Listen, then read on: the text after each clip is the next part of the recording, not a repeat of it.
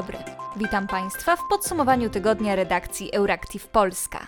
Dzisiaj opowiemy m.in. o strzelaninie na terenie szkoły podstawowej w Teksasie oraz o nowym premierze Słowenii.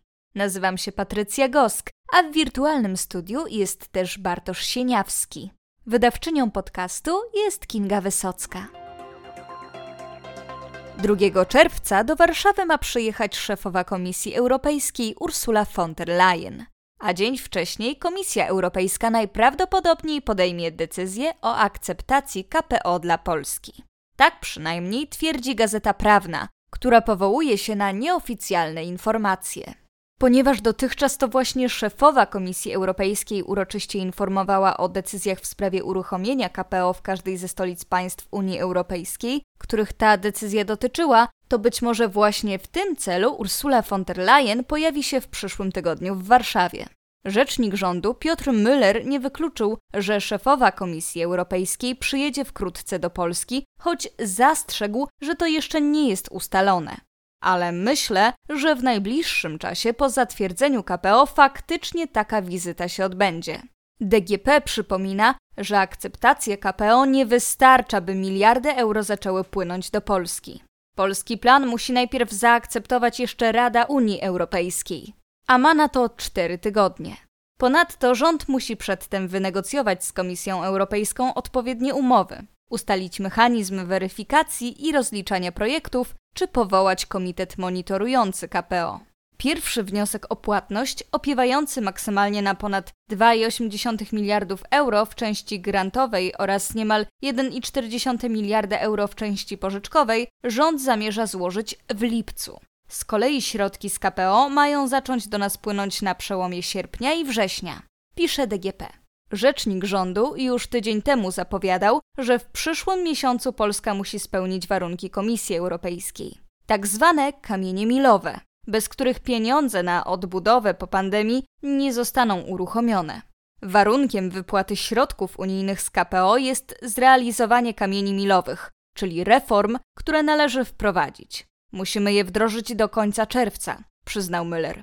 Do końca kwartału, czyli do końca czerwca, musimy te reformy wdrożyć, dodał. Dopytywany dzień wcześniej na briefingu, czy reformy zostaną zrealizowane, Müller zapewnił, że tak. Po to się zobowiązaliśmy, żeby je zrealizować.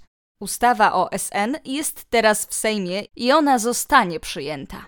Na razie jednak wciąż jeszcze posłowie nad nim pracują. Sejmowa Komisja Sprawiedliwości zarekomendowała przyjęcie prezydenckiego projektu nowelizacji ustawy o SN. Prokuratorzy z Mediolanu domagają się, by Silvio Berlusconi został skazany na 6 lat więzienia. Były premier Włoch jest oskarżony o rzekome przekupywanie świadków w sprawie o prostytucję nieletnich z 2013 roku. Historia sądowych pozwów Silvio Berlusconiego jest już prawie tak samo bogata, jak jego kariera w polityce. Polityk pomimo 85 lat nadal przewodzi centroprawicowemu ugrupowaniu Forza Italia. A jeszcze kilka miesięcy temu wymieniany był jako potencjalny prezydent włoskiej republiki. Tym razem nad byłym włoskim premierem zbierają się jednak ciemne chmury bowiem prokuratorzy z Mediolanu zażądali, by Silvio Berlusconi został skazany na 6 lat więzienia za rzekome przekupywanie świadków w sprawie o prostytucję nieletnich z 2013 roku. Były włoski premier ma jeszcze dwie inne podobne sprawy o rzekome łapówkarstwo w sądach w Rzymie i Sienie. Wszystkie procesy były wiele razy wstrzymywane ze względu na problemy zdrowotne 85-letniego polityka.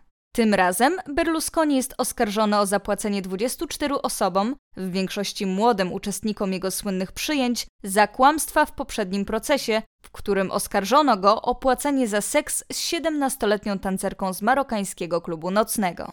Skandal związany z tak zwanymi przyjęciami Bunga Bunga przyczynił się do upadku Berlusconiego jako premiera w 2011 roku.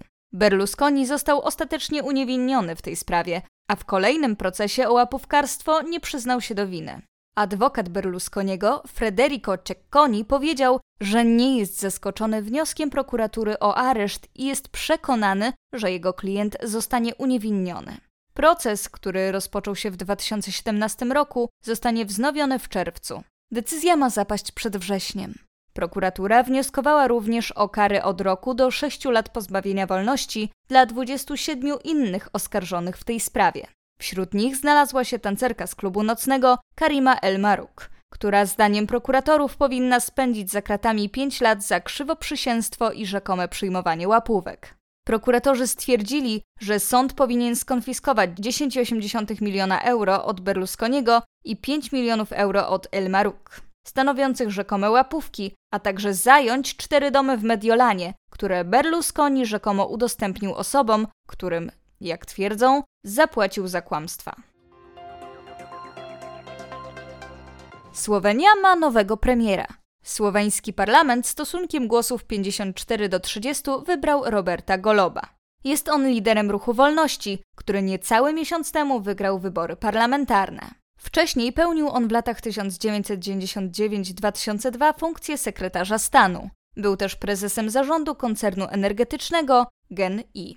Świeżo zaprzysiężony premier jeszcze przed weekendem chce przesłuchać kandydatów na stanowiska ministerialne.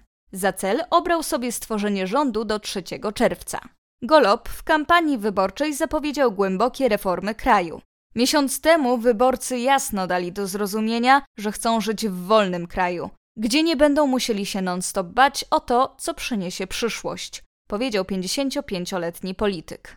Stanie on na czele trójpartyjnej centrolewicowej koalicji, którą wraz z jego partią tworzyć będą socjaldemokraci i lewica. Wspólnie te trzy ugrupowania mają 53 mandaty w 90-osobowym parlamencie. Jako priorytety swojego rządu Golob wskazał poprawę opieki zdrowotnej oraz rozwiązanie problemu rosnących cen energii i żywności. Rosja zaoferowała, że w zamian za zniesienie sankcji gotowa jest otworzyć korytarz humanitarny dla ukraińskich statków transportujących żywność. Propozycja spotkała się jednak z krytyką. Po inwazji z 24 lutego Rosja zablokowała morski port ukraińskich zbóż. W efekcie w Ukrainie, jak poinformował Światowy Program Żywnościowy, znajduje się około 22 milionów ton zboża, które nie może opuścić kraju. To z kolei powoduje wzrost cen na światowych rynkach i podnosi ryzyko głodu. Według ONZ 36 krajów, w tym niektóre z najbiedniejszych i najbardziej narażonych, jak Liban, Syria czy Jemen, importuje ponad połowę pszenicy z Rosji i Ukrainy. Minister spraw zagranicznych Ukrainy Dmytro Kuleba nazwał propozycję Moskwy próbą szantażowania wspólnoty międzynarodowej. Na propozycję zareagowały już m.in. Stany Zjednoczone. Rzecznik Departamentu Stanu Ned Price powiedział wczoraj, że USA nie złagodzą sankcji wobec Rosji w zamian za odblokowanie ukraińskich portów. Nie wierzymy w puste obietnice Moskwy. A jedyny sposób, w jaki Rosja może doprowadzić do zniesienia sankcji, to zaprzestanie agresji na Ukrainę, powiedział. Również brytyjskie Ministerstwo Spraw Zagranicznych oskarżyło władze na Kremlu o używanie żywności jako broni i wezwało do natychmiastowego zakończenia blokady ukraińskich portów. Mateusz Morawiecki oskarżył Norwegię o żerowanie na wojnie w Ukrainie. Według premiera ten skandynawski kraj nalicza za wysokie ceny za swoje paliwa kopalne sprzedawane za granicą. Powszechnie znane przysłowie mówi, aby nie gryźć ręki, która cię karmi. Morawiecki wybrał idealny moment na krytykowanie Norwegów, skoro od października mają zacząć przesyłać nam swój gaz za pomocą gazociągu Baltic Pipe. Ale nie dziwmy się, że premier może i chce się potargować, skoro paliwo rzeczywiście jest drogie. Norwegowie sami zresztą przyznają, że trochę pomylili się w szacunkach i że w związku z wojną w Ukrainie zysk ze sprzedaży paliw w tym roku wyniesie im 100 miliardów euro. My się wszyscy oburzamy na Rosję i słusznie. Bandycki napad, bandyci, zbrodniarze i tak. Ale szanowni państwo, młodzi ludzie, coś jest nie tak. Piszcie do waszych młodych przyjaciół w Norwegii, powiedział premier w czasie spotkania z młodzieżą w sobotę 21 maja. Oni powinni się tym błyskawicznie podzielić, dodał. Sekretarz stanu w norweskim MSZ, Eivind Vat Pedersen, odpowiedział na zarzuty że Norwegia mimo wszystko i tak ponosi dodatkowe koszty oraz doświadcza spadku wartości swoich spółek na giełdzie. Ponadto Norwegom, jak innym Europejczykom, ma doskwierać wzrost cen paliw. Norweski rzecznik powiedział także, że Norwegia wspiera Ukrainę oraz zapowiedział, że jego rząd zrobi w tej kwestii znacznie więcej. W Stanach Zjednoczonych doszło do kolejnej strzelaniny w szkole. 18-letni Salvador Ramos wszedł do Rob Elementary School w Uvalde w Teksasie, gdzie otworzył ogień do dzieci i nauczycieli, zabijając 19 uczniów i dwójkę dorosłych. W wymianie ognia z policją zginął także i sam napastnik.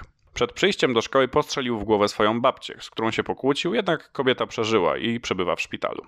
Strzelanina w podstawówce w Uvalde jest trzecią najkrwawszą sytuacją tego typu w historii USA, zaraz po zamachach na Politechnikę Virginii w 2007 roku oraz na podstawówkę Sandy Hook w 2012. Motywem terrorysty było gnębienie go w szkole oraz wyśmiewanie się z tego, że jego rodzina jest uboga.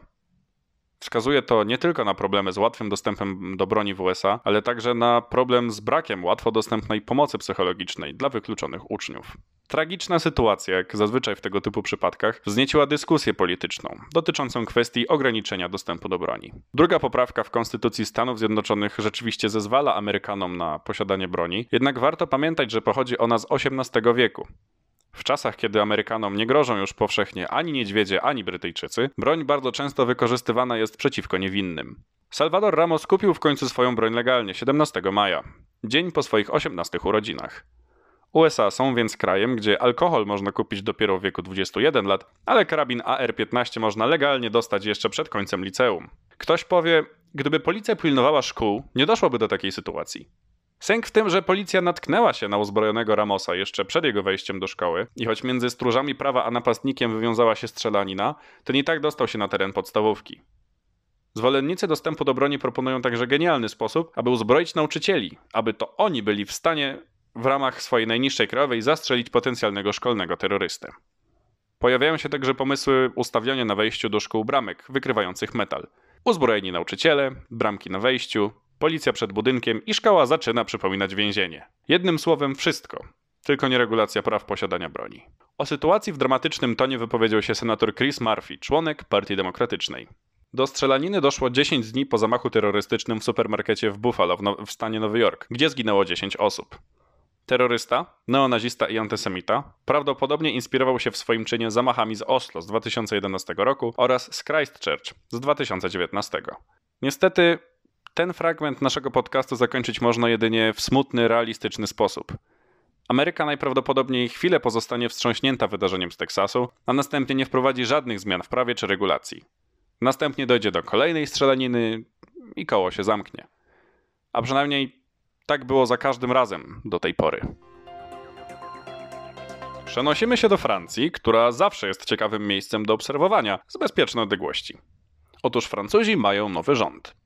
Premierką została centrolewicowa polityczka Elizabeth Born. Powołano także nowych ministrów i już na samym starcie doprowadziło to do kontrowersji, ponieważ Damian Abad, minister Solidarności i Osób Niepełnosprawnych, został oskarżony o gwałt, którego oczywiście się wypiera. W każdym razie nie jest to wymarzony początek rządów gabinetu Born. W czerwcu natomiast odbędą się we Francji wybory parlamentarne.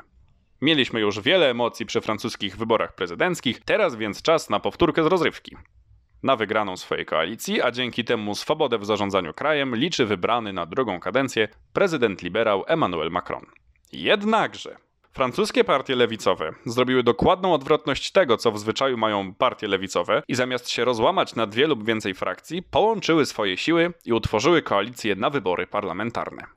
Według sondaży mają szansę na zwycięstwo, choć polityczne realia i system głosowania we Francji nieco studzą ambicje lewicowców przypominając, że liberałowie mogą wciąż osiągnąć większość parlamentarną. Wybory odbędą się w dwóch turach, w jednomandatowych okręgach wyborczych 12 i, jeśli będzie potrzeba drugiej tury, 19 czerwca. To już wszystko w dzisiejszym podsumowaniu tygodnia redakcji Euractiv Polska. Życzymy Państwu miłego weekendu.